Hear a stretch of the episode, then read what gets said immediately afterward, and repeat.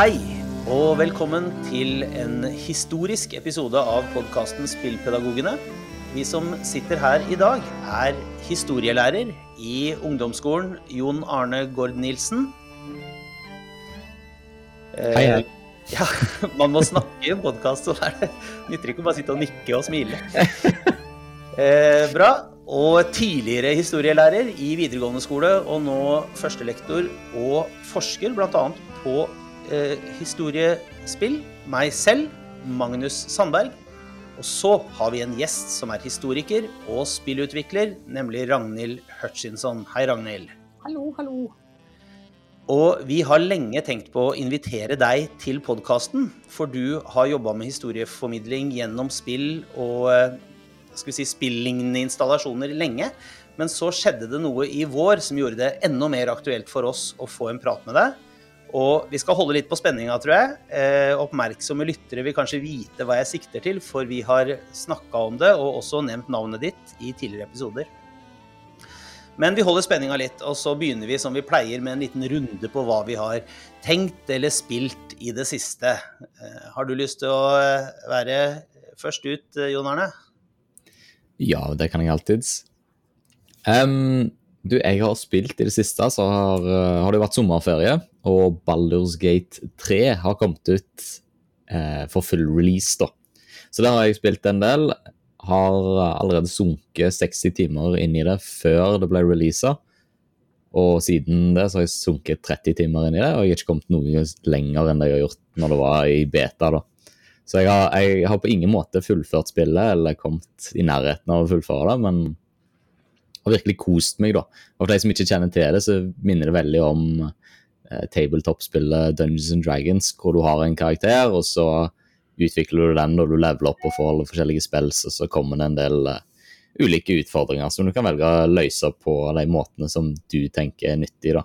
Så det er ikke nødvendigvis den der standard hack and slash og bare gå og drepe alt sånt Så det. Du kan plutselig sjarmere deg ut av en situasjon, eller du kan unngå situasjonen eh, helt og ja, diverse ting. Det, Og så har jeg spilt en del Counter-Strike, da. For det er jo kommet ut nytt nå. Så Counter-Strike 2. Så skikkelig sånn eh, mainstream, det jeg har spilt. Det er vel de to store spillene som er ute per dags dato. Jeg ser masse poster på sosiale medier nå med folk som, eh, som kommenterer hvor mange timer Baldur's Gate de har spilt, og ennå ikke kommet til Baldur's Gate.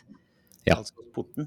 Det- Det, kjenner jeg òg på. Og det er mange venner som har spilt lenger enn meg, og er litt sånn ja, ja, OK, men er du der nå? Er du der nå? Nei. Nei, nei, jeg har ikke kommet forbi act 1 ennå. Og jeg har brukt 30 timer, og jeg har sikkert 10 timer til òg. Og jeg, tar, jeg nyter det, da. Akkurat som en fin vin. Sant? Det er ikke bare bøtta nedpå, du skal savor it. Mm, nettopp. Ragnhild, har du spilt noe eller gjort noe? Er du egentlig en datagamer? Nei. Nei. Nei. Jeg var. Uh, før de fikk grafikk. Oi. Og så fikk de grafikk. Dette var jo på 80-tallet, så gammel er jeg. Men eh, jeg, vi hadde, familien min var veldig tidlig på med PC. Så jeg spilte mye tekstbaserte spill. Mm. Eh, Zork 3 og Leather Goddess of Phobos. Eh, Store tekstbaserte spill. Vi skjønte ikke porreferansene i Leather Goddess of Phobos, for vi var ni og ti. Jeg og Veronica, som lagde sånne kjempestore kart over disse labyrintene, lærte jo masse engelsk. Og så kom de første grafikkspillene, og så syntes jeg det var så innmari stygt. Mm. Um, så da ble jeg i stedet bitt av uh, rollespillbasillen, og har egentlig holdt meg der. Rollespill og live. Uh, og det har jeg holdt på. Jeg har spilt rollespill fra jeg var ni. Uh, til og live fra jeg fikk lov når jeg var 16. Det var 16-årsgrense på live da jeg begynte. Uh, så jeg har mye spillbakgrunn på rollespill og livebakgrunn, og arrangert mye liver. Og Kan du fortelle, siden vi har en lytterskare som er variert eh, i, i hva de vet fra før om, om disse tingene, hva er en live? Det tror jeg ikke vi, noen av oss i Spillpedagogene heller egentlig har vært så tungt innpå noen gang.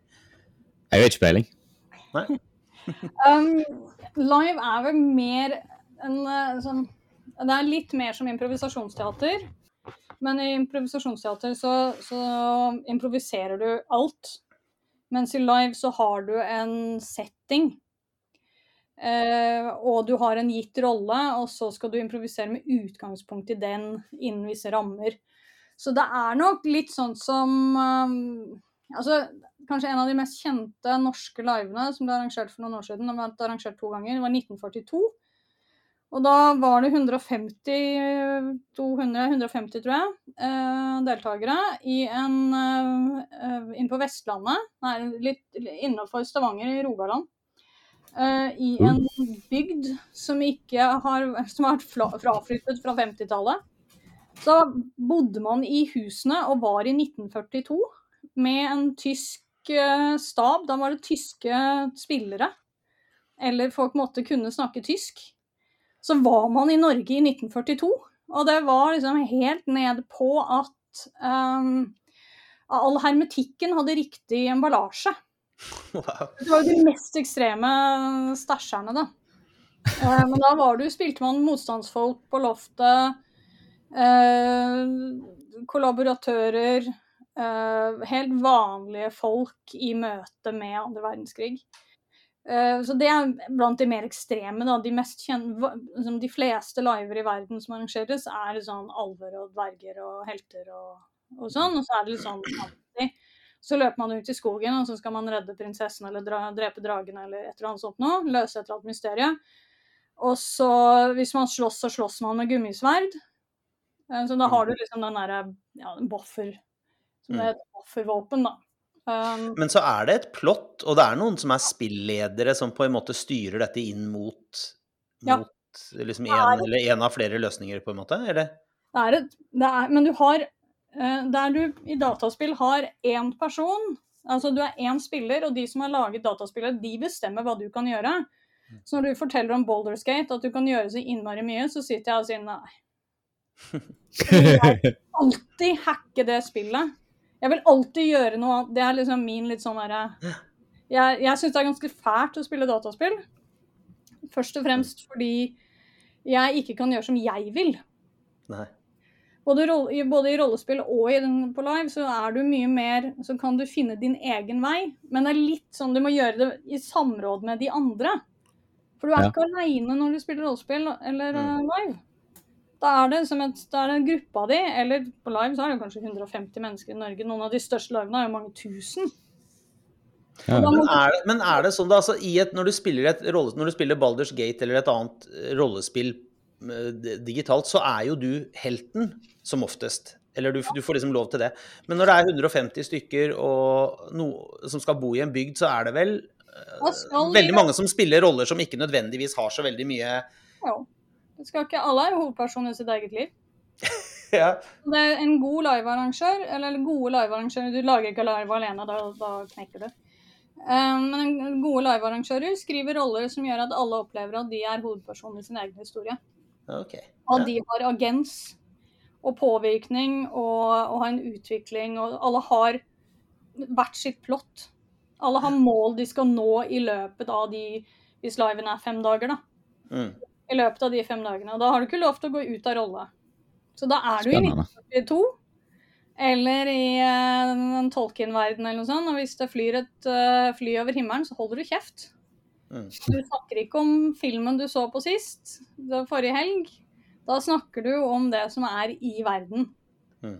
Men det er en det er, altså det er mye mer sånn sosial interaksjon, da. Enn det er ja. I hvert fall hvis du spiller en singleplayer, uh, et singleplayer dataspill. Mens hvis du uh, spiller noen av de altså hvor du er i guilds og lag og, og jobber med andre, så er du igjen Da må du interagere med andre.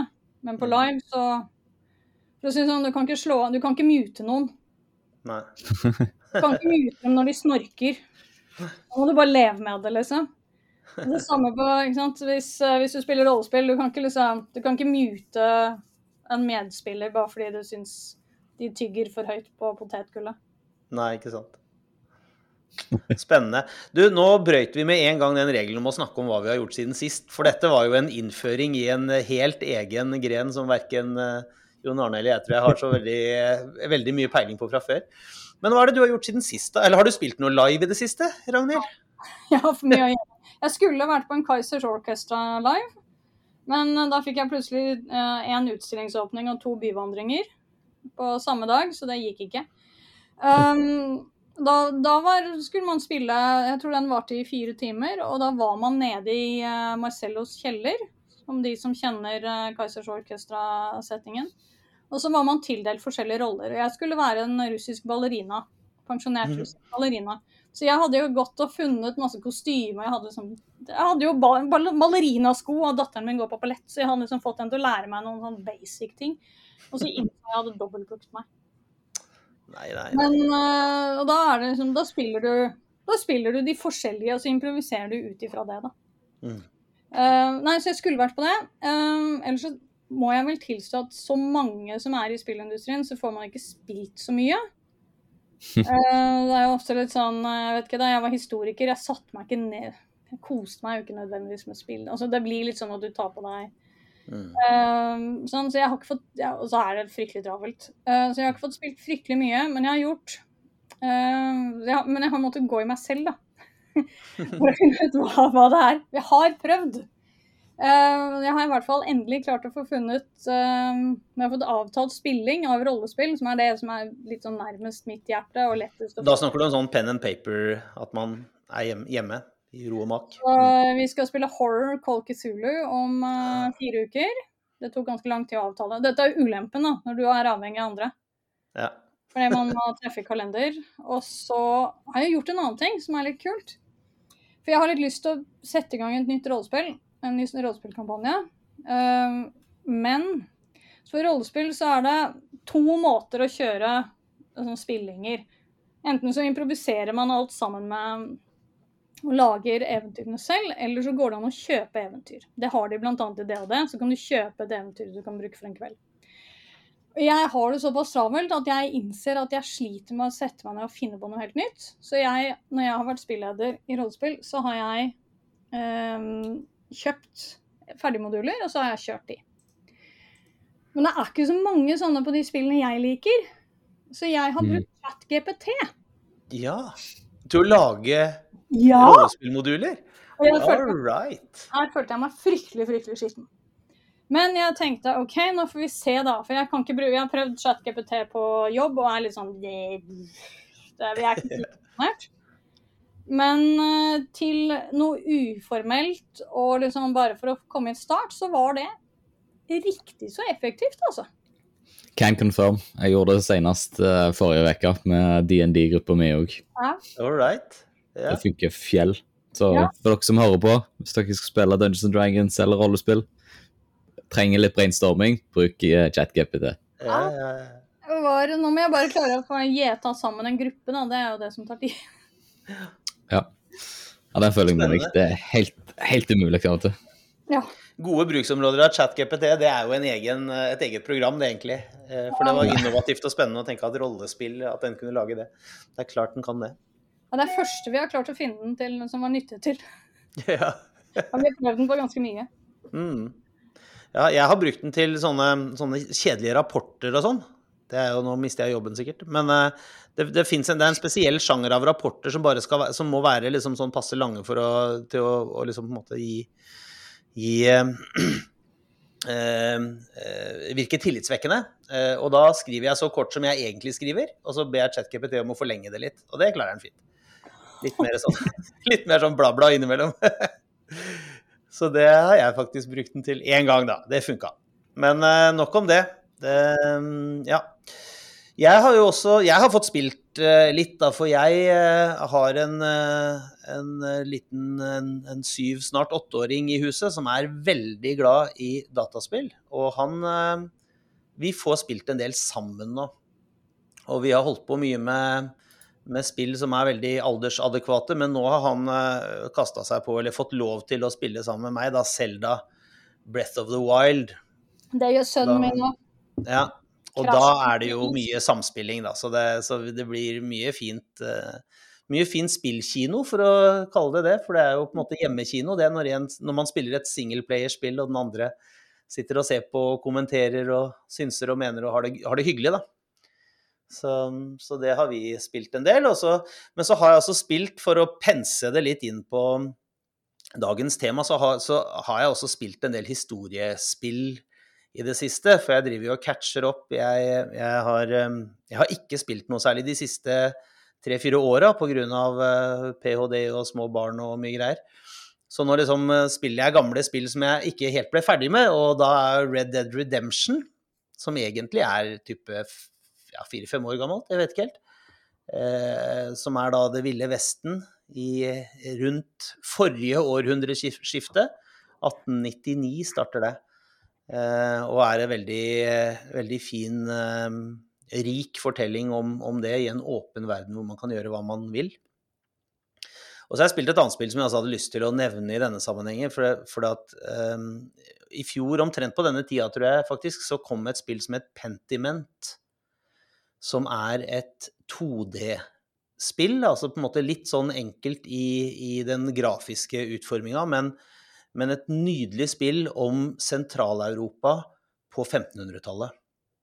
Og du spiller som en, eh, en, kunstner, en sånn en eh, maler som, eh, som jobber ved et kloster. Han er på sånn noe som, noe som jeg har lært i spillet, da, at fantes på den tida en, en tradisjon som het vanderjare, sånn vandringsår. Mm. Som er at alle alle eh, som, var, eh, som skulle bli mestere, de skulle ut på en gjerne treårig eh, reise og jobbe litt her og der med ulike ting, og utøve sitt yrke, da. De har det fremdeles i Tyskland, altså? Ja, har de det? Ja, ja, ja. det kommer tyske håndverkere som skal bli mestere til Norge hvert år. OK, for å, for å oppfylle ja, ja. denne Ja, OK, ja, så kult. Og så må de ha på seg helt bestemte klær. Ja, ja vel? Ja, ja, de har de samme middelalderklærne. så mange av dem. Lærlingklærne, liksom? Ja. så gøy, da.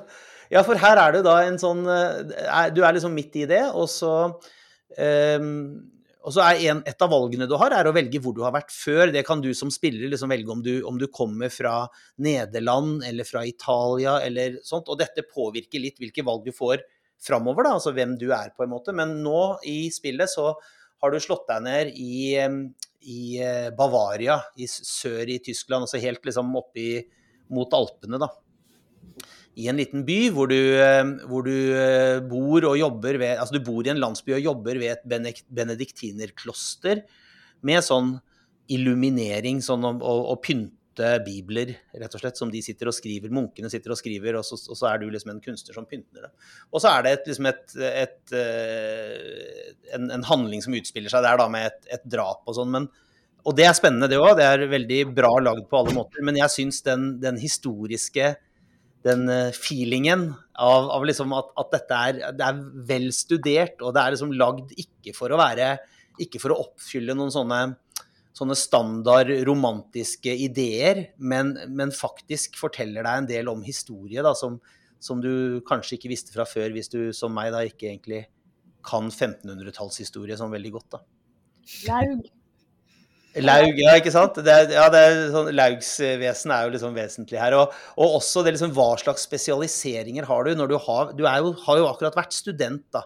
Og da kan du velge mellom um, om du skal ha vært spesialisert deg på teologi eller juss eller medisin. Ikke sant? Det er den typen eh, fag som fantes og var anerkjent.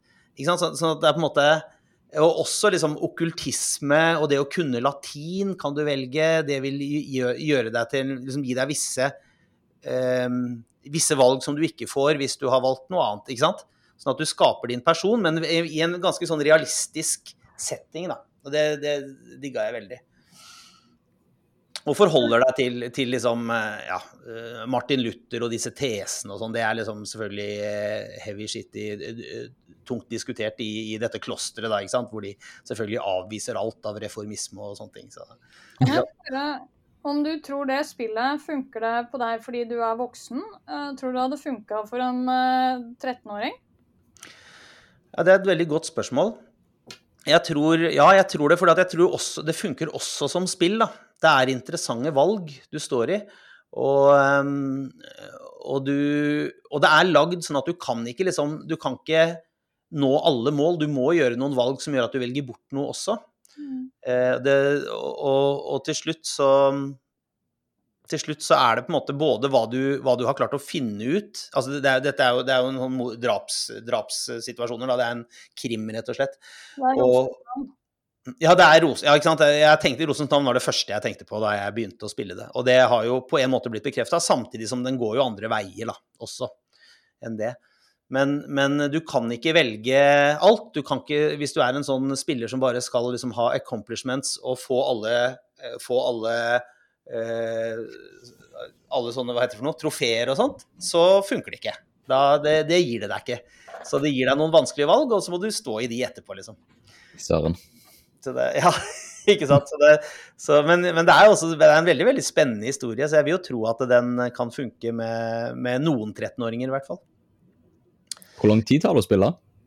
Uh, jeg veit ikke. Jeg tror jeg har spilt en uh, jeg, jeg, har nok spilt kanskje ti timer nå. Jeg er ikke ferdig. Men, men, jeg, har, jeg, tenker, jeg leser og tenker mye også da, når jeg spiller, så det går jo kanskje an å liksom Jeg vet ikke om det har blitt speedrun av noen. Ja, det ville vært liksom veldig litt absurd ting å gjøre, da. For jeg, jeg, tror ikke liksom det er det Det er ikke det som er vitsen. Men, mm. men nei da, det er et ganske dypt og langt spill. Jeg, ja, jeg er litt fan, må jeg si.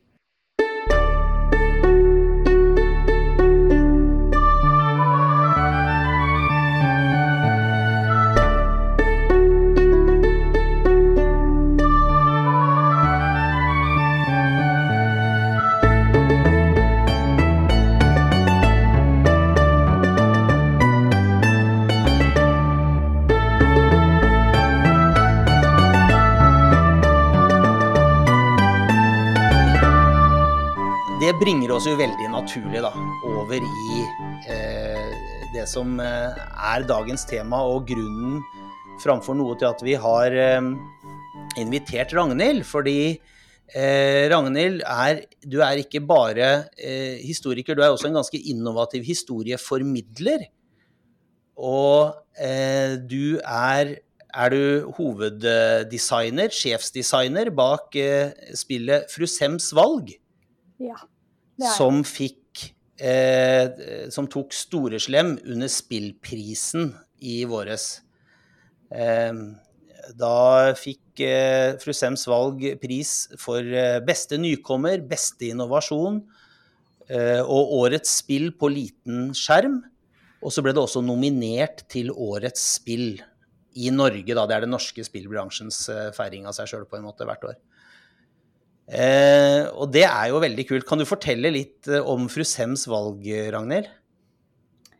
Eh, det er jo det er et historisk spill. Um, men det er ikke meningen at du skal spille det og altså vi, Det er ikke laget for å bruke i skole. Det er fint om det blir det, men det er ikke egentlig hovedmålet. Um, det er um, Det er et sånt spill som jeg ville spilt. Så det, det, er litt preget av eh, altså Det er preget av den forskningen jeg har gjort som historiker. Jeg har jobbet som forsker i 15 år. Så det er eh, økonomisk historie. Eh, jeg er jo 1700-talls, tidlig 1800-tallshistoriker, altså tidlig nytider. Og har jobbet med økonomisk og sosial utvikling i Norge og Europa fra ca. 1500 til 1850. Um, og dette spillet er rett og slett liksom, et forsøk på å formidle Uh, eller på å vise alt det morsomme da, som jeg syns med dette.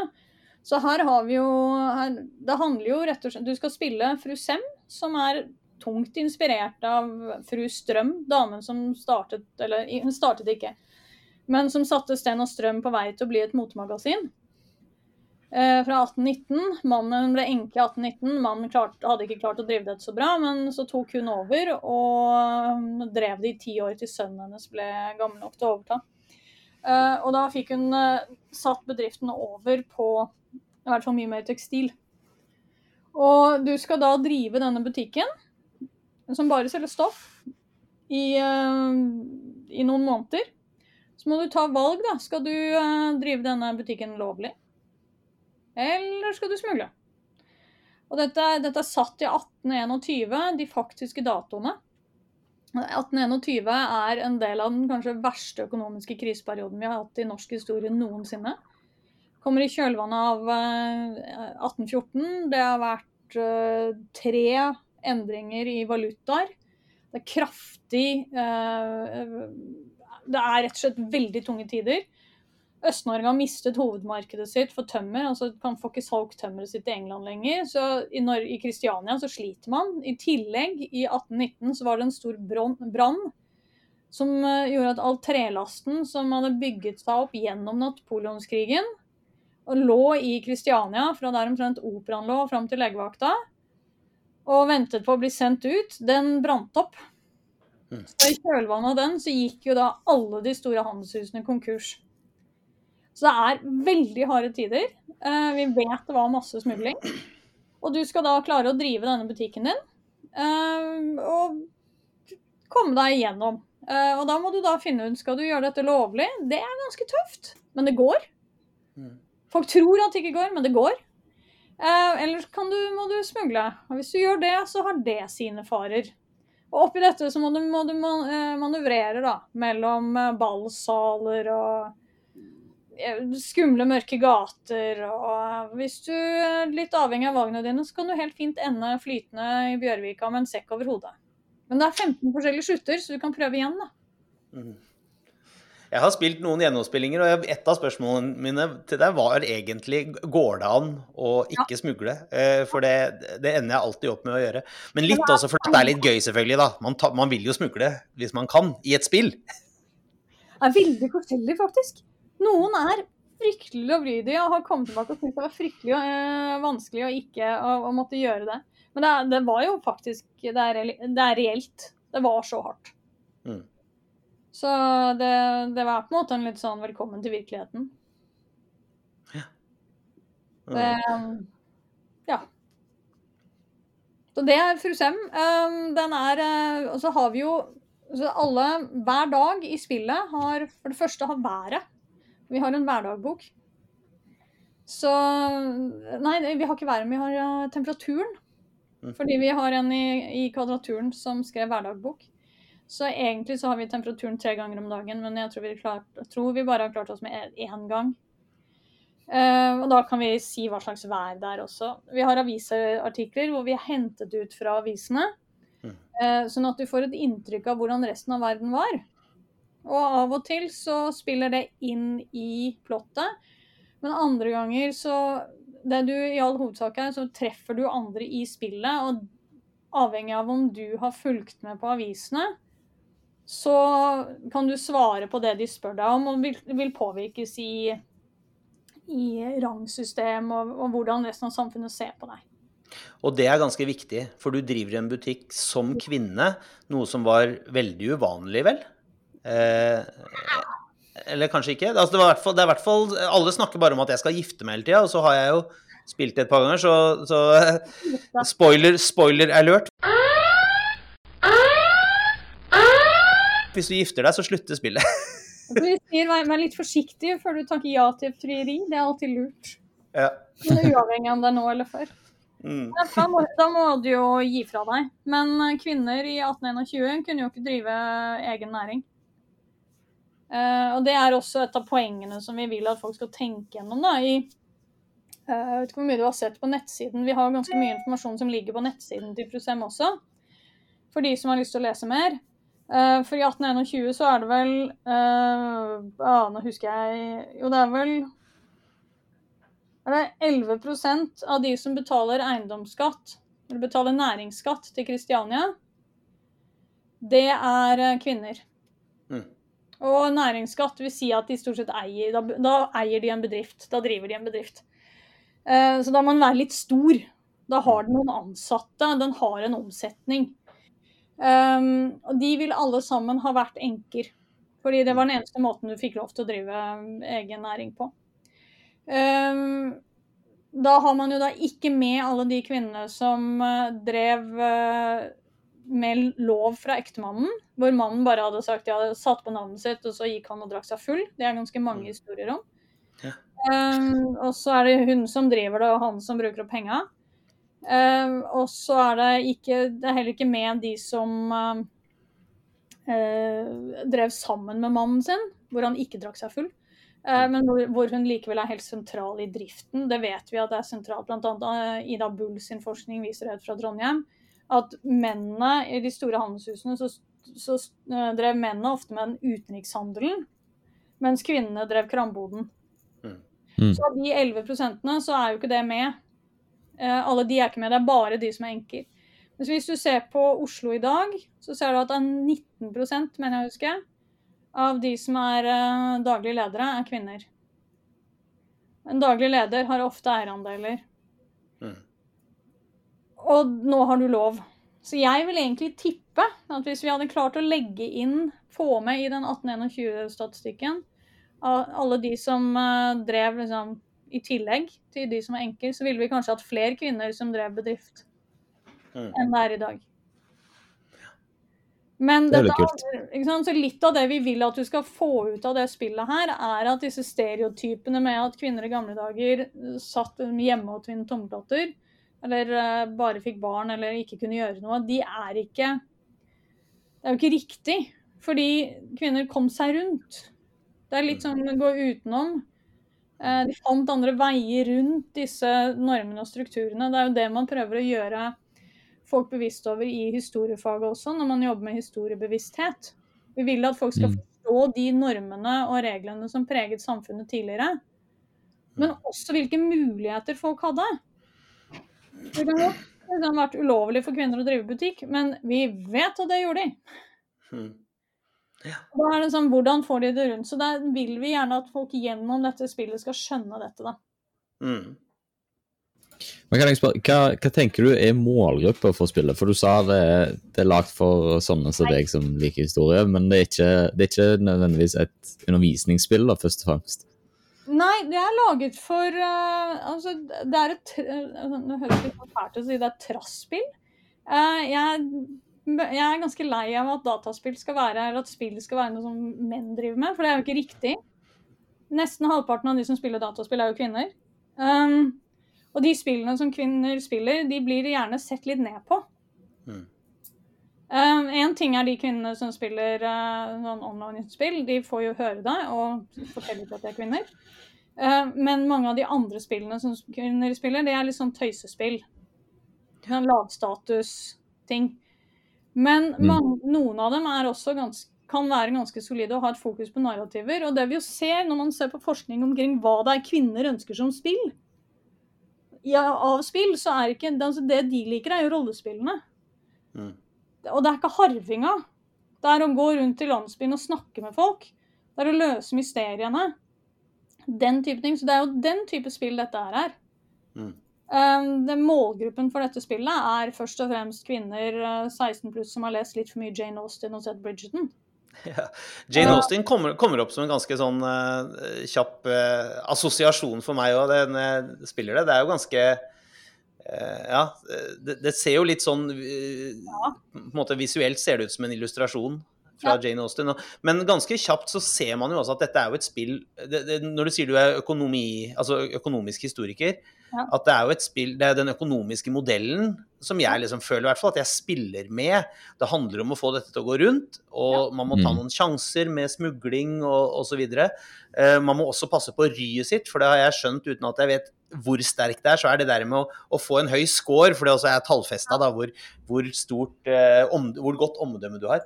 Så det å vise seg fram mye og snakke om nyhetene og være til stede her og der og, liksom, og få liksom de poenga opp, det jobber jeg liksom mye Med i butikken din. Ja. Da Mm. kan du få mulighet til å tjene penger. Altså det vi ser, er at det er et spill som eh, kvinner som liker Jane Austen, uh, syns er veldig gøy. Mm. Eh, fordi eh, det treffer alle Jane Austen-tingene. Du får gå på ball, og det er kjekke menn, og det er beilere og, og sånn. Samtidig blir du ikke behandlet som en eh, altså Samtidig så er det en tydeliggjøring av forholdene for kvinner. For Jane Austen er ikke en romantisk forfatter. Hvis du leser Jane Austen, så er Jane Austen sine bøker fæle. Mm. Det er få ting som viser hvor grusomt det var å være en middelklassekvinne i England. Hun var helt avhengig av alle andre. Mens dette spillet viser, gir deg litt mer forståelse av at vi var faktisk, det var bedre stilt i Norge. Mm. Um, så altså, Jane Austen er en sosialrealistisk forfatter. Hun er ikke en romantisk Det er ikke noe, det er ikke noe, det er ikke noe drømming i Jane Austen. Hvis det er, så portretteres ikke det voldsomt flatterende. Nei. Eh, Det er, det er veldig lite matnyttig å være drømmer i Jane Austen sine bøker. Så, så det er på en måte den ene tingen. Um, de, kvinnene pleier også å sette veldig pris på at det er mye tekstilhistorie. Alle klærne du ser, er fra faktiske museumssamlinger eller moteblader. Hvis du kan noe om ampirstil, så vil du kjenne igjen mye.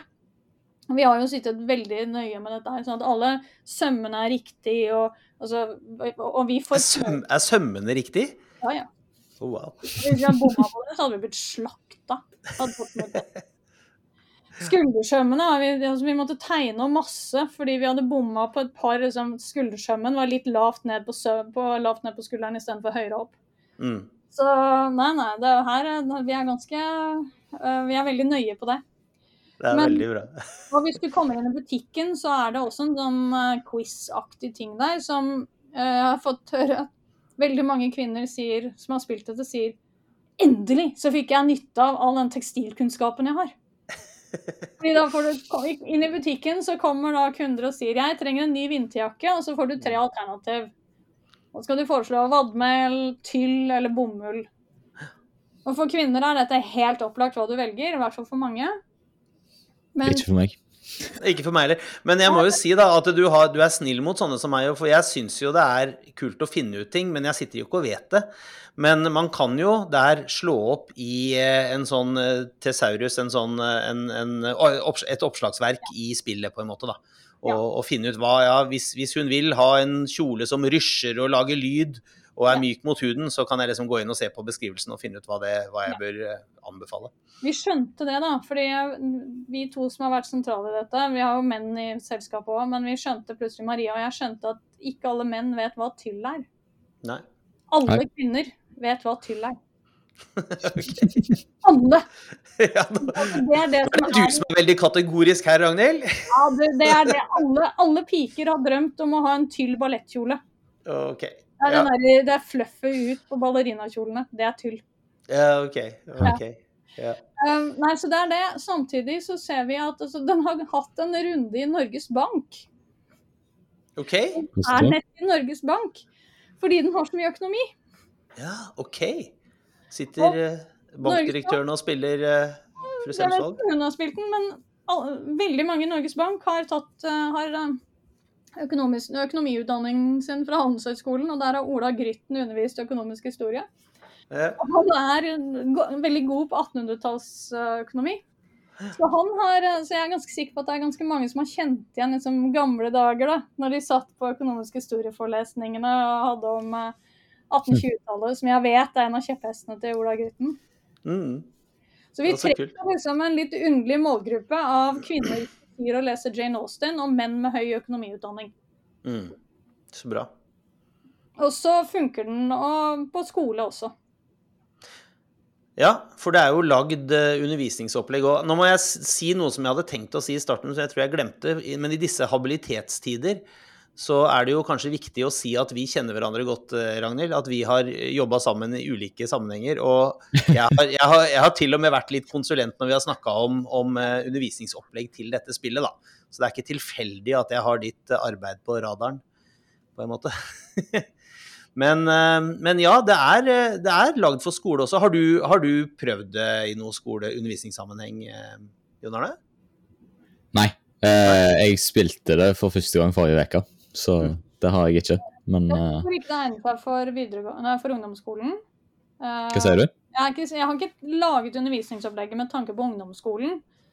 Um, det er nok en litt for høyt lesenivå, altså lesekrav, til ungdomsskole, tror jeg. Så at du ikke er sånn som meg som leste bestemte deg for da du var 14 å lese alle Jane Austen. Mm. Uh, det var sånt jeg gjorde. Jeg skjønte ikke at det ikke var vanlig før jeg ble 40. Um, men, uh, men på videregående så, altså, Vi har jo laget Frusems valg, uh, undervisningsoppleggene rettet mot videregående. Mm. Uh, og da vil vi jo at de skal tenke og reflektere over kvinners uh, endring i kvinners muligheter. Ja. Ja, for jeg merka det sjøl òg når jeg satt og spilte det. Så tenkte jeg ok, kan jeg bruke dette her inn i undervisningen? Og så kom jeg til et punkt, og så klikka browseren min. Så måtte jeg refreshe det. Og da satt jeg bare og trykte og trykte og trykte, og trykte, og trykte, og så innså jeg idet jeg sitter og trykker gjennom alle her dialogene og sånn det, for å komme til der jeg var, så innså jeg sånn Å ja. Det er sånn som dette er en ungdomsskoleelev ville spilt dette spillet her. Ja, akkurat. Ja. Mest sannsynlig så bare sånn Next, next, next, next, next, next, next. Ah, jeg tar det valget. Next, next, next, next, next, next, next. Er det sånn, ja, ok. Det er nok sånn som du sier, at det krever nok en, del, en slags, slags indre motivasjon da, til å holde på med det hvis du er hvis du er på yngre nivå. Men uh, det er jo klart at med en gang du begynner å sette deg inn i det, så er det jo en veldig rik historie, og jeg syns jo det er absolutt spennende å høre om all baktanken rundt det. Sant? Det er jo Men jeg tror også at, at det er um, eh, Altså, det er jo forskjell på skoleelever, også i ungdomsskolen. Og jeg, jeg, det er kanskje ikke noe man skal sette hele klassen til å gjøre.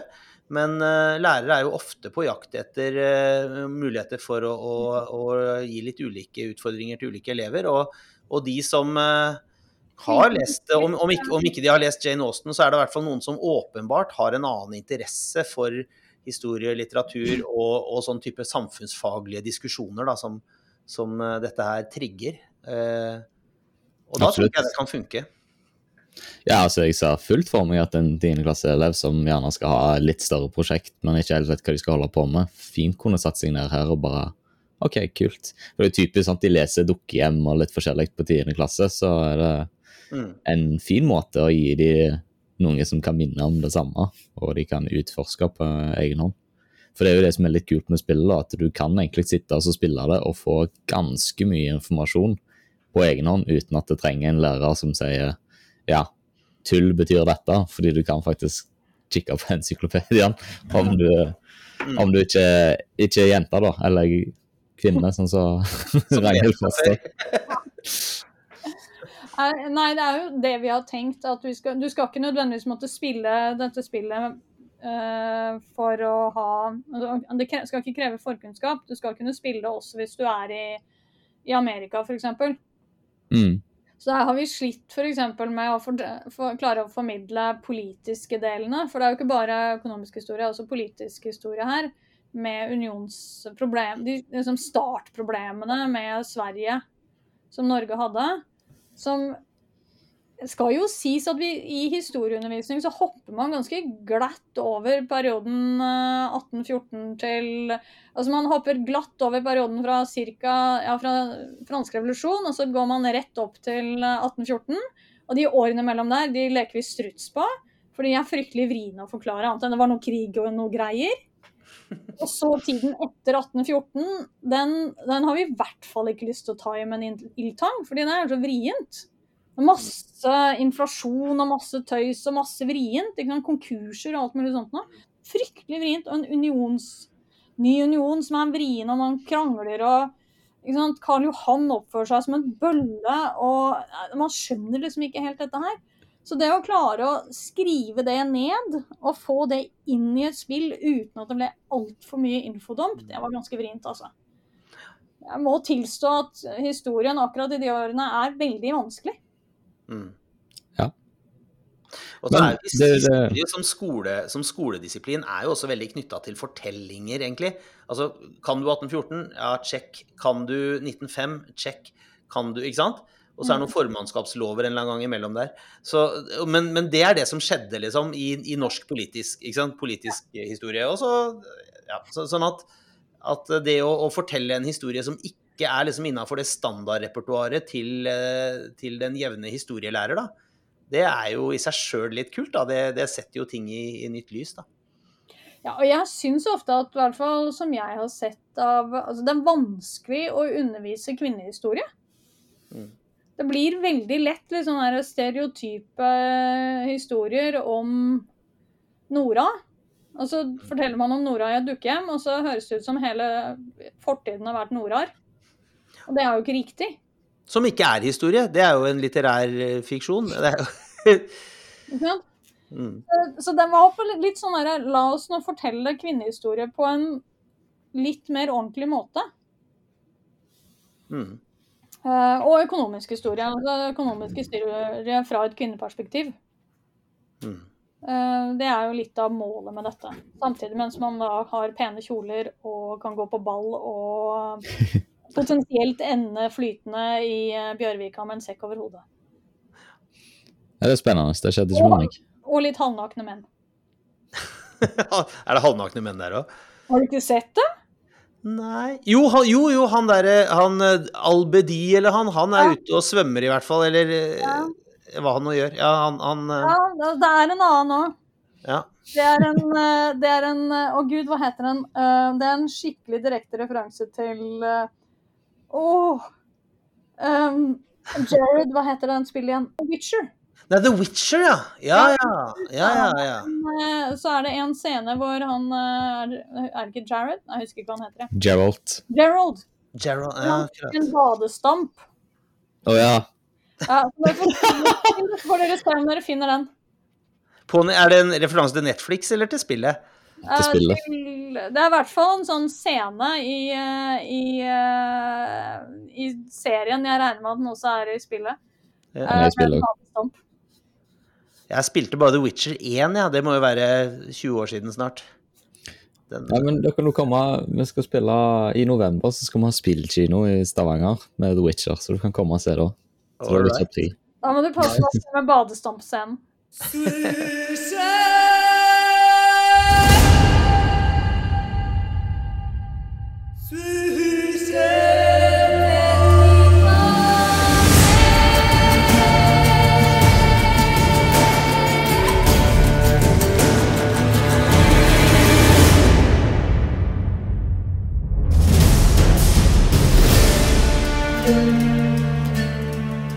Men du, eh, jeg ble veldig sånn inspirert.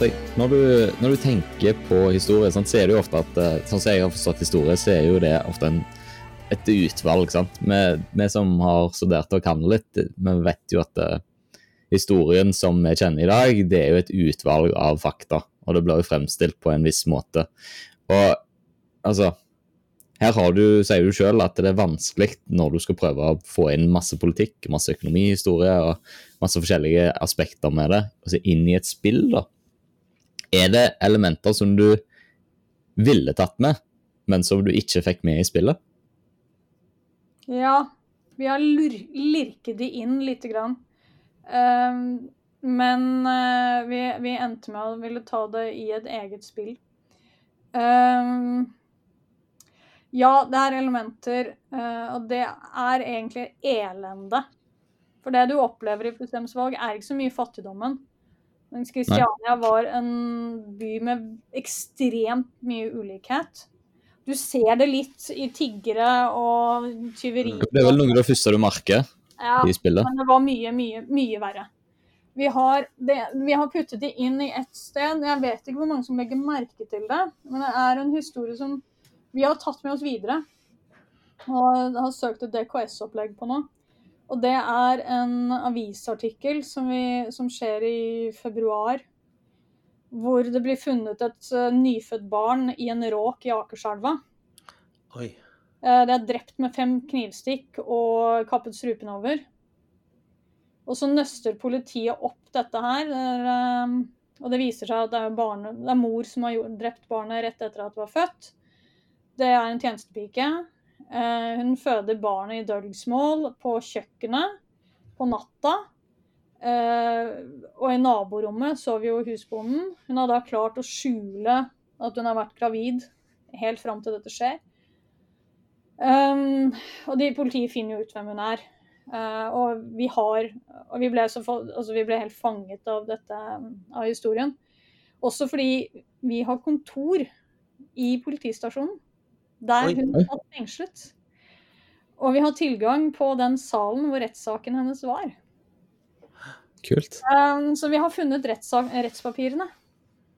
Og det er en helt jævlig sak. Ja, ja, ja.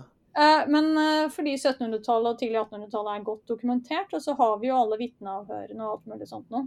Så det har jo egentlig eh, vi, lurte, vi hadde veldig lyst til å putte de inn i Prusem, men fikk det ikke til. Så det er egentlig altså Vi lurte på om vi skulle lage et eget dataspill om det, men det er en så helt jævlig historie. Mm. At den er litt sånn vrien, og den vil i hvert fall ikke selge i Amerika. Uh, selv om den kanskje er der den burde. Er det, og er, det det som er, er det det som er det overordna målet? Selge i Amerika. Det er noe med å få få det overordnede målet er jo å få folk til å tenke. Ja, klart. Mm. Fordi, eh, så det vi har gjort i stedet, er å lage et kulturelt skolesekkopplegg som vi tenker å rette inn på videregående, så vi ser om eh, det kanskje litt er for blodig og jævlig. Det er en helt grusom historie, og jeg har hatt skoleklasser inn i det som da var rettssaken, og fortalt dette her, og jeg har jo ja, nei, det er mange som har eh, sittet og sparket beklemt ned i gulvet og gått veldig stille ut av det rommet, men jeg mener at det er en viktig ting. Mm. Mm. Fordi det forteller om kvinner før, men også fordi det forteller veldig mye om mannsroller og mannsideal på 1820-tallet. Og det er noe vi kommer til å trekke opp mye mer eh, i spill som vi lager fremover. Fordi mannsidealene på 1820-tallet var ganske Jeg vet ikke, hvis du Når du sånn, leser disse historiene, så minner det veldig mye om sånn som Adam Tate oppfører seg. Ja. Det er Sånn machismo, machismo-kultur, på en måte. Ja. Og det kan ikke ha vært veldig hyggelig for gutta heller, men, men denne stakkars jenta Dette var en tidligere arbeidsgiver, han mente han, han, han hadde gjort sitt. Mm. Og det hadde han jo gjort i 1820-tallets normer, men hva med i dag? Så den type ting er nok noe vi har mer lyst til å få inn, men det er vanskeligere å få inn i dataspill. Mm. Mm. At vi ikke skal prøve å gjøre det. Eh, så det er liksom sånne Så kan du velge å, å gå inn i den type historier eller ikke hvis du vil. Men vi ser jo at f.eks. Altså jeg er ikke fryktelig redd for at eh, det er noe som vil appellere. Man ser jo på bøkene som mange leser, og den type historier i film og, og, og sånt fenger jo. Mm. Ja, ja. Men jeg trodde nå, eh, altså før du begynte med denne historien om det barnet, så trodde jeg du skulle si noe annet. For at dere har vel lagd et spill, eller holder du på å lage et spill om hun som står i butikken til fru Sem? Ja, å, ja. Den, den har For vi hun, også, hun får besøk av sin alkoholiserte far, eller stefar. Eh, og, og, og da, liksom aner du også at her er det en annen virkelighet som vi ikke får så mye innblikk i, men, men lite grann, da. Nei, vi prøver å få Det neste spillet vi lager, startet egentlig som at det skal handle om hun som jobber i butikken, og har endt med å være en mer sånn liten vennegjeng på fire. Eh, Det neste, der har vi en eh, Kommer nå i løpet av en uke eller to, så kommer traileren, eller sånn introen, kommer vi til å legge ut. Um, og, er, og det er også basert på en faktisk historie, men uh, da må du finne arven din. Som en okay. slem, slem dame har uh, stukket av med. okay. For at det syns jeg også er noe av det, hvis vi skal liksom ta det litt, litt opp fra fru Semsvalg, så er dette et univers som dere, du slash dere har begynt å, å jobbe med i ulike retninger, er det ikke det? For jeg synes også, det, det er også et sånt spill, jeg vet ikke om jeg skal kalle det et spill, men jeg er veldig fascinert også av en liten sånn eh, spillignende eh, sak dere har lagd, hvor man kan designe sin egen empirkjole. Det kommer i herreversjon i løpet av et par uker. Fantastisk. Jeg skal snakke ferdig, fortelle ferdig hva det er eh, også. Eh, du kan designe den eh, på, på altså i, i en sånn nett en sånn nettdisplay, da, eller på en, i en app eller på, en, på websida. Og så kan du printe ut dukken og den kjolen eller de klærne du har lagd, og så kan du leke fysisk med det, eller drive fysisk med det. Og det syns jeg er veldig spennende. Jeg er liksom fascinert av, av de møtene mellom en digital verden og en fysisk verden. Så, så jeg tenker jo at for, i, på barnetrinn, eh, og, og sikkert også egentlig ungdomstrinn og videregående for den del, men også på barnetrinn, så kan man jo leke med sånne gammeldagse papirdukker da, med empirkjoler som er selvdesigna, men også da i henhold til sånne prinsipper som sånn som de så ut, da. Ja. Nei, det er, det er hensikten med det vi har Det er sånn vi har tenkt. Men eh, vi skal være ærlige og si at vi, når vi laget det spillet der, så glemte vi halvparten av befolkningen. Dvs. Si herrene. Ja, Um, så, men vi tenkte at det kanskje var greit, for kvinner var blitt glemt så mye, de også. Brukte herrene tyll? Nei, det gjorde de ikke, men de har mye silkedamask. Ja, da tror jeg ikke jeg gidder å spille. Jeg vil ha tyll. ja. Vi kan se. Vi kan se. Vi kan, Um, ja. Det, det, øh, det vi ser, er at øh, altså akkurat det, sånn, det er et dress up-spill. Det fungerer veldig godt på øh, det, det funker veldig bra på, på barn. Eh, både jenter og gutter av de yngre. Altså når du kommer litt lenger opp, så begynner guttene å være sånn Nei, jeg er for jentelus. Mm. Eh, så da nå lager vi jo da en herreversjon. Eh, så da kan herrene da, da kan, tror jeg man kan få til en del ganske spennende diskusjoner om mote. Mm. Fordi moten på 1820-tallet er jo ganske annerledes enn i dag. Og hva er likt, og hvilke farger og mustasjer og hår og alt mulig sånt noe. Så kan du få Mm. dem ut. Sånn at du kan få noen av disse litt sånne der tøffe gutta til å, til å gjøre også. Hvis du printer dem ut i svart-hvitt og ikke velger farger, så kan du jo sitte og fargelegge. Mm. Og da får du mer eh, Det vil spare fargeprinteren på en skole. Ja, det vil det gjøre. Og så- blir det et mer et opplegg som også har en, en sånn taktil eh, formingselement som ja. Og så når man både har menn og kvinner, så papirdukker, så kan du eh, lage film. Ja. Hva Mm. om du da setter opp eh, kanskje ikke et dukkehjem, men eh, et eller annet annet? Altså Du kan bruke det til å spille 1820-tallsteater, eller hva som helst. Du kan lage din egen historie. Eh, og da får du trukket det inn i norskfaget eller engelskfaget. Du kan lese Jane Austen. uh, den type ting. Du kan lage noe som Det Dramatiske Selskap i Ja. Kristiania i 1821 ville satt opp, f.eks. For, eksempel. for det er jo også noe vi besøker i spillet. Ja. Mm. Veldig bra. Veldig spennende. Altså, jeg, jeg, synes, jeg er veldig fascinert av, av det med eh, Altså hvordan dataspill som er velfunderte og, og veldig liksom researcha, eh, hvordan det blir en estetikk. Altså, for meg altså noe som gjør at du verdsetter spillet. For det det er jo veldig viktig at spillmekanikkene er gode, og at det er, det er veldig kult at, at det er action, at det er eh, liksom bra sånn tempo i spillet, den, den typen ting. Men for meg så er det noe helt eget når jeg spiller historiespill. Det ba, bare det å vite, eller bare ane, at her er det gjort veldig god eh, historisk research. At, at her er det dette bygger på, på noe ordentlig, da. Det er det vi ja, opplever nok litt det eh, samme, at folk setter veldig pris på at temperaturen som står der, er riktig. Mm. Avisartiklene er eh, riktig. I den norske versjonen så er det lenker til de faktiske for mye nå. Altså, de de fins jo tilbake igjen på Nasjonalbiblioteket, så du kan gå og lese originale versjonene. Ikke sant? Vi, har jo, vi, vi fant dessverre litt sent ut hvordan vi fikk til referansesystemet, men det kommer vi til å bruke mye mer. da. Mm. Uh, sånn at vi, vi vil jo helst lede folk til kildene. Her er de forskjellige tingene. sånn at målet vårt er jo at eh, folk skal ende opp med å sitte på Riksarkivet med støv på nesa fordi at det er ting de ikke har gjort på lenge. ikke sant? Og i Frusems Fru Sems valg så er det jo også sånn, der kan man av og til klikke i den dialogboksen, og så bli, bli overført til eh, jeg vet ikke, Store norske eller en eller annen sånn ressurs på nett hvor du kan lese om ulike ting som berøres. Ja. Eh, hvor- ja. Så, eh, det er ikke lett å få sånt til å funke dynamisk og bra i en spillsammenheng, da, men det er, kanskje, det er kult at det er der, for nettopp for det gir kanskje den, litt den følelsen av forståelsen av at dette er, er liksom ja. Det er en ekstra dybde mm, inni det. Det er litt det at vi tenker at historien altså Selve narrativen i spillet, den er jo påfunnet.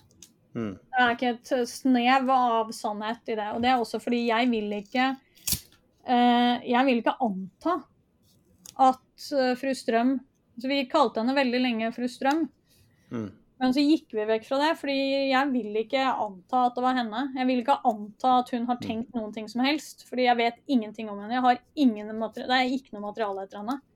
Mm. Selv om hun er sentral i Steinar Strøm sin historie. Um, så derfor vi byttet, byttet til fru, fru Sem, også fordi det er lettere på engelsk. Um, og så, altså, alt det der er alt det jeg har funnet på. Men alle de du møter i byen, de er faktiske mennesker. Mm. Da får vi et historisk bakteppe, men med en påfunnet narrativ som er ikke altfor usaklig. Den er relativt usaklig, da. Eh, men men vi har, her har vi dramatisert opp litt mer, da. Mm. Ja, for det var noe jeg var litt interessert i. Hvis vi går liksom på dette her med Når du skal lage historiespill nå, så har du jo ofte store spillselskap og sånn type Assassin's Creed og Battlefield og alt sånt som det, som gjerne kommer med den disclaimeren i begynnelsen at dette her er basert på ekte fortellinger av ekte folk og ekte historier og sånn som det.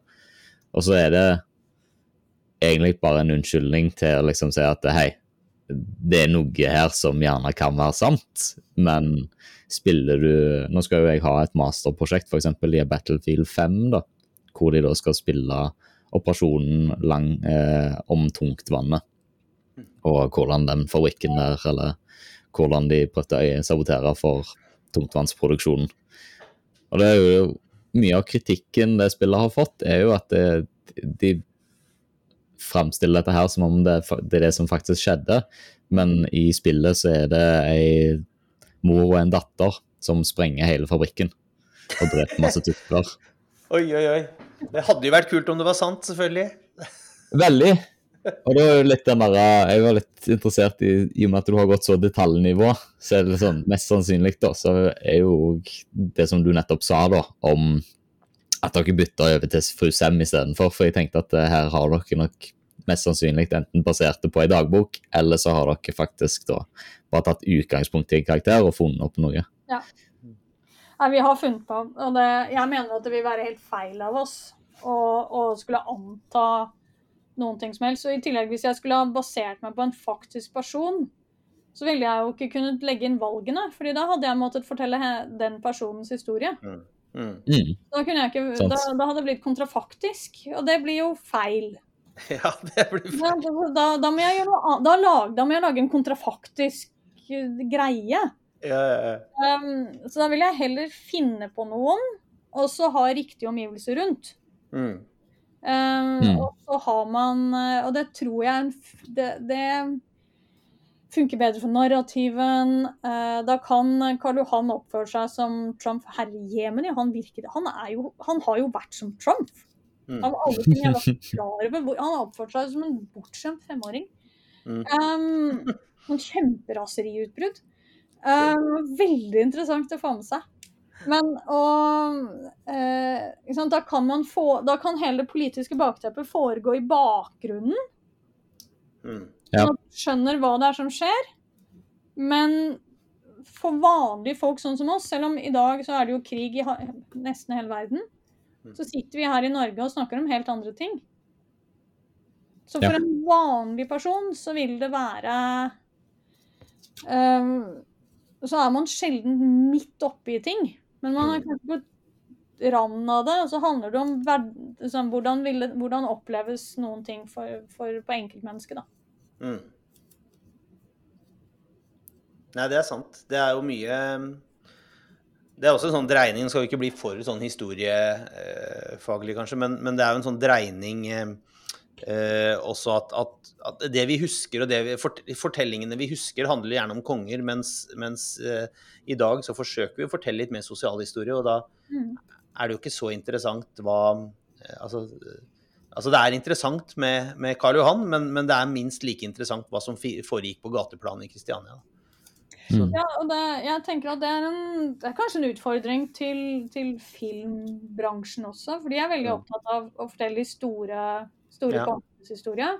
Mm. Så tar de liksom noen grep, uten at jeg egentlig tenker at de trenger det. Fordi det er vanlige folks historier er kule nok hvis du bare Men du må fortelle dem på bestemte måter, da.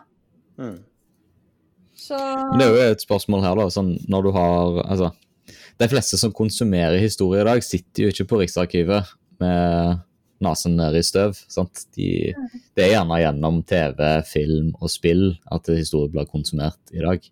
Ja. Og da er jo spørsmålet til deg, Rangel, om, om, du lagde dette spillet her med tanke på at det, det skulle bli konsumert som historie, eller som om, om, det skal være underholdning? Altså, Hva er hovedfokuset ditt? Det er laget som, uh, som underholdning, men det er fint om du lærer historie. Mm. Ja. ja. Det er, uh, for jeg tror Hvis vi hadde laget det for at du skulle lære historie, så hadde det blitt drepende kjedelig. Ja. Det tror jeg jo. da hadde du fått en infodump og en infodump og en infodump, liksom. Og hadde, da hadde du sovna. Da hadde jeg fortalt deg enorme mengder om, om kjolesøm. Istedenfor å bare wowe deg, og så kan jeg sende deg videre til å lese mer om kjolesøm. Ja. ja. For det kan du velge litt i spillet. da. Du kan liksom gå all in på kjolesøm. Er, jeg tror det er 15 forskjellige stoffer i den uh, databasen av stoffer uh, som du selger, og som du kan vite noe om. Eh, Men så kan du også eh, kose deg med den, eh, med den spenningen som ligger i å være smugler eller ikke smugler, eh, og hvem du eventuelt skal begynne å gå ut og date med, som vi Ja. ville sagt i dag. Ja. Eh, Det er mange som ønsker seg det, og spasere litt med fru Sem. Promenere. Mm. Prom promenere, sorry, promenere, yes. Så det. Um, jeg tror vi skal prøve å, å runde av litt her, men jeg har litt lyst til å gjøre oppmerksom på det. Altså en, en ting vi ikke har snakka om, som vi kunne ha snakka mye om, er jo alle de andre tingene dere gjør. For du, du driver jo da et, et selskap som heter tidvis.no. Men da må jeg skynde meg i samme, samme åndedrag og si at nesten alt dere lager er gratis. Gratis på åpen lisens. Gratis på åpen lisens, og mye av det er finansiert eh, av, med offentlige midler som dere søker her og der. Stemmer det? Det og Sparebankstiftelsen. Sparebankstiftelsen driver Norge. Ja. Kultur-Norge. ja, yes. Driver Kultur-Norge. ja. Så, det, så det finner man jo på tidvis.no, da, så ligger både Fru Sems valg eh, gratis. Eh, og andre, veldig mange andre, altså flere spill og spillignende eh, og vi har et annet som er laget kanskje mer for ungdomstrinnet og mer for barn og unge, og det heter Brageskålen. Og det er lett å bruke også i norsken. Det er gjort sammen med en eh, eventyrforteller som heter Torgrim Mellum Stene, som har eh, skrevet manus til den. Eh, og han, er, han kan skaldekveding. Kvading. Jeg klarer aldri å bøye det verbet. Og da skal du Det er satt Heter det kvading? Jeg vet ikke. Kvad, kveding? Jeg tror det heter kveding. Ja, noe sånt. Jeg, jeg, vet, jeg vet Det er i hvert fall satt til vikingtida, og du skal redde landsbyen din fra Det viser det seg etter hvert at du må redde den fra de slemme jomsvikingene som kommer opp, eh, opp fra Danmark. Så det er midt oppi sånn, eh, kristningsfeiden i Norge. Og som en del av det, så er det minispill som gjør at du kommer ut av det hele med å ha lært å kvede. Kvade, hva det nå heter. Um, og, og det er mange forskjellige slutter, og du kan styre veldig mye selv. Um, det er laget opp mot videregående, nei, opp mot ungdomsskolen, men vil nok fungere på en litt lesesterk klasse på slutten av barnetrinnet, og også opp på videregående. Mm. Så, den er, så vil jeg for øvrig si at de spillene som vi har laget, de kan spilles i nettleser på PC. Men vi anbefaler for en mest mulig stabil spillopplevelse, så er det lurt å laste ned appene. Fordi på, i nettleser så er det på det som heter WebGL, og det er litt sånn crunchy, særlig hvis det er mange som er på nett samtidig og sånn. Eh, da kan Ja, det klikka jo for meg senest i går. ikke sant? Så det er litt sånn Det er ikke helt ideelt, men da, det er en lett for skoler som, hvor det er vanskelig å få lasta ned noe. Men hvis man er lærer og planlegger litt og får uh, IT-ansvarlig eller noen til å laste ned appen, så, så går det helt greit. Mm. Kult. Da tror jeg vi får si at det, Vi pleier også på slutten av en episode å, å snakke om månedens spill, men det er vel ganske åpenbart hvilket spill det er i eh, denne, denne gangen. Eller episodens spill. Eh, Så, så da får vi oppfordre folk til å sjekke ut eh, tidvis.no og Fru Sems valg, da, for den Ja, det er en ganske spennende historie. Har du noen anbefalinger til de, første, de som spiller for første gang? Tenk deg to ganger om før du takker ja til et frieri. ja. Ja. Og så tenker jeg, tenk, tenk at kanskje, eh, hvis du er gamer, på en måte, tenk at dette er ikke, eh, dette er ikke nødvendigvis liksom den dynamikken du er vant med, men det er en fortelling, så kanskje man skal tenke på det eh, litt mer, sånn litt nærmere litteratur, da, som man skal kose seg litt med. Ja, vi, vi lager nok mer sånne spill som egner seg for å krølle seg sammen i sofaen under et teppe med kakao. Mm. Uh, det er mer som en bok, men her kan du velge om du skal kysse Mr. Darcy. Mm. Ja. Ikke sant? Og det, det må du Det er en viktig poengtering, egentlig. Det er ikke noe, dette er ikke et spill du speedrunner. Nei. Nei. Ok, men da tror jeg vi eh, takker for eh, dagens historieleksjon. Det, det var mye spennende og, og spennende nytt for mange her, tror jeg. Ehm, og så eh, snakkes vi plutselig. Tusen takk, Ragnhild, for ditt besøk. Og så prates vi. Ja, ha det bra. Tusen Ha det bra. Ha det. Ha det, ha det.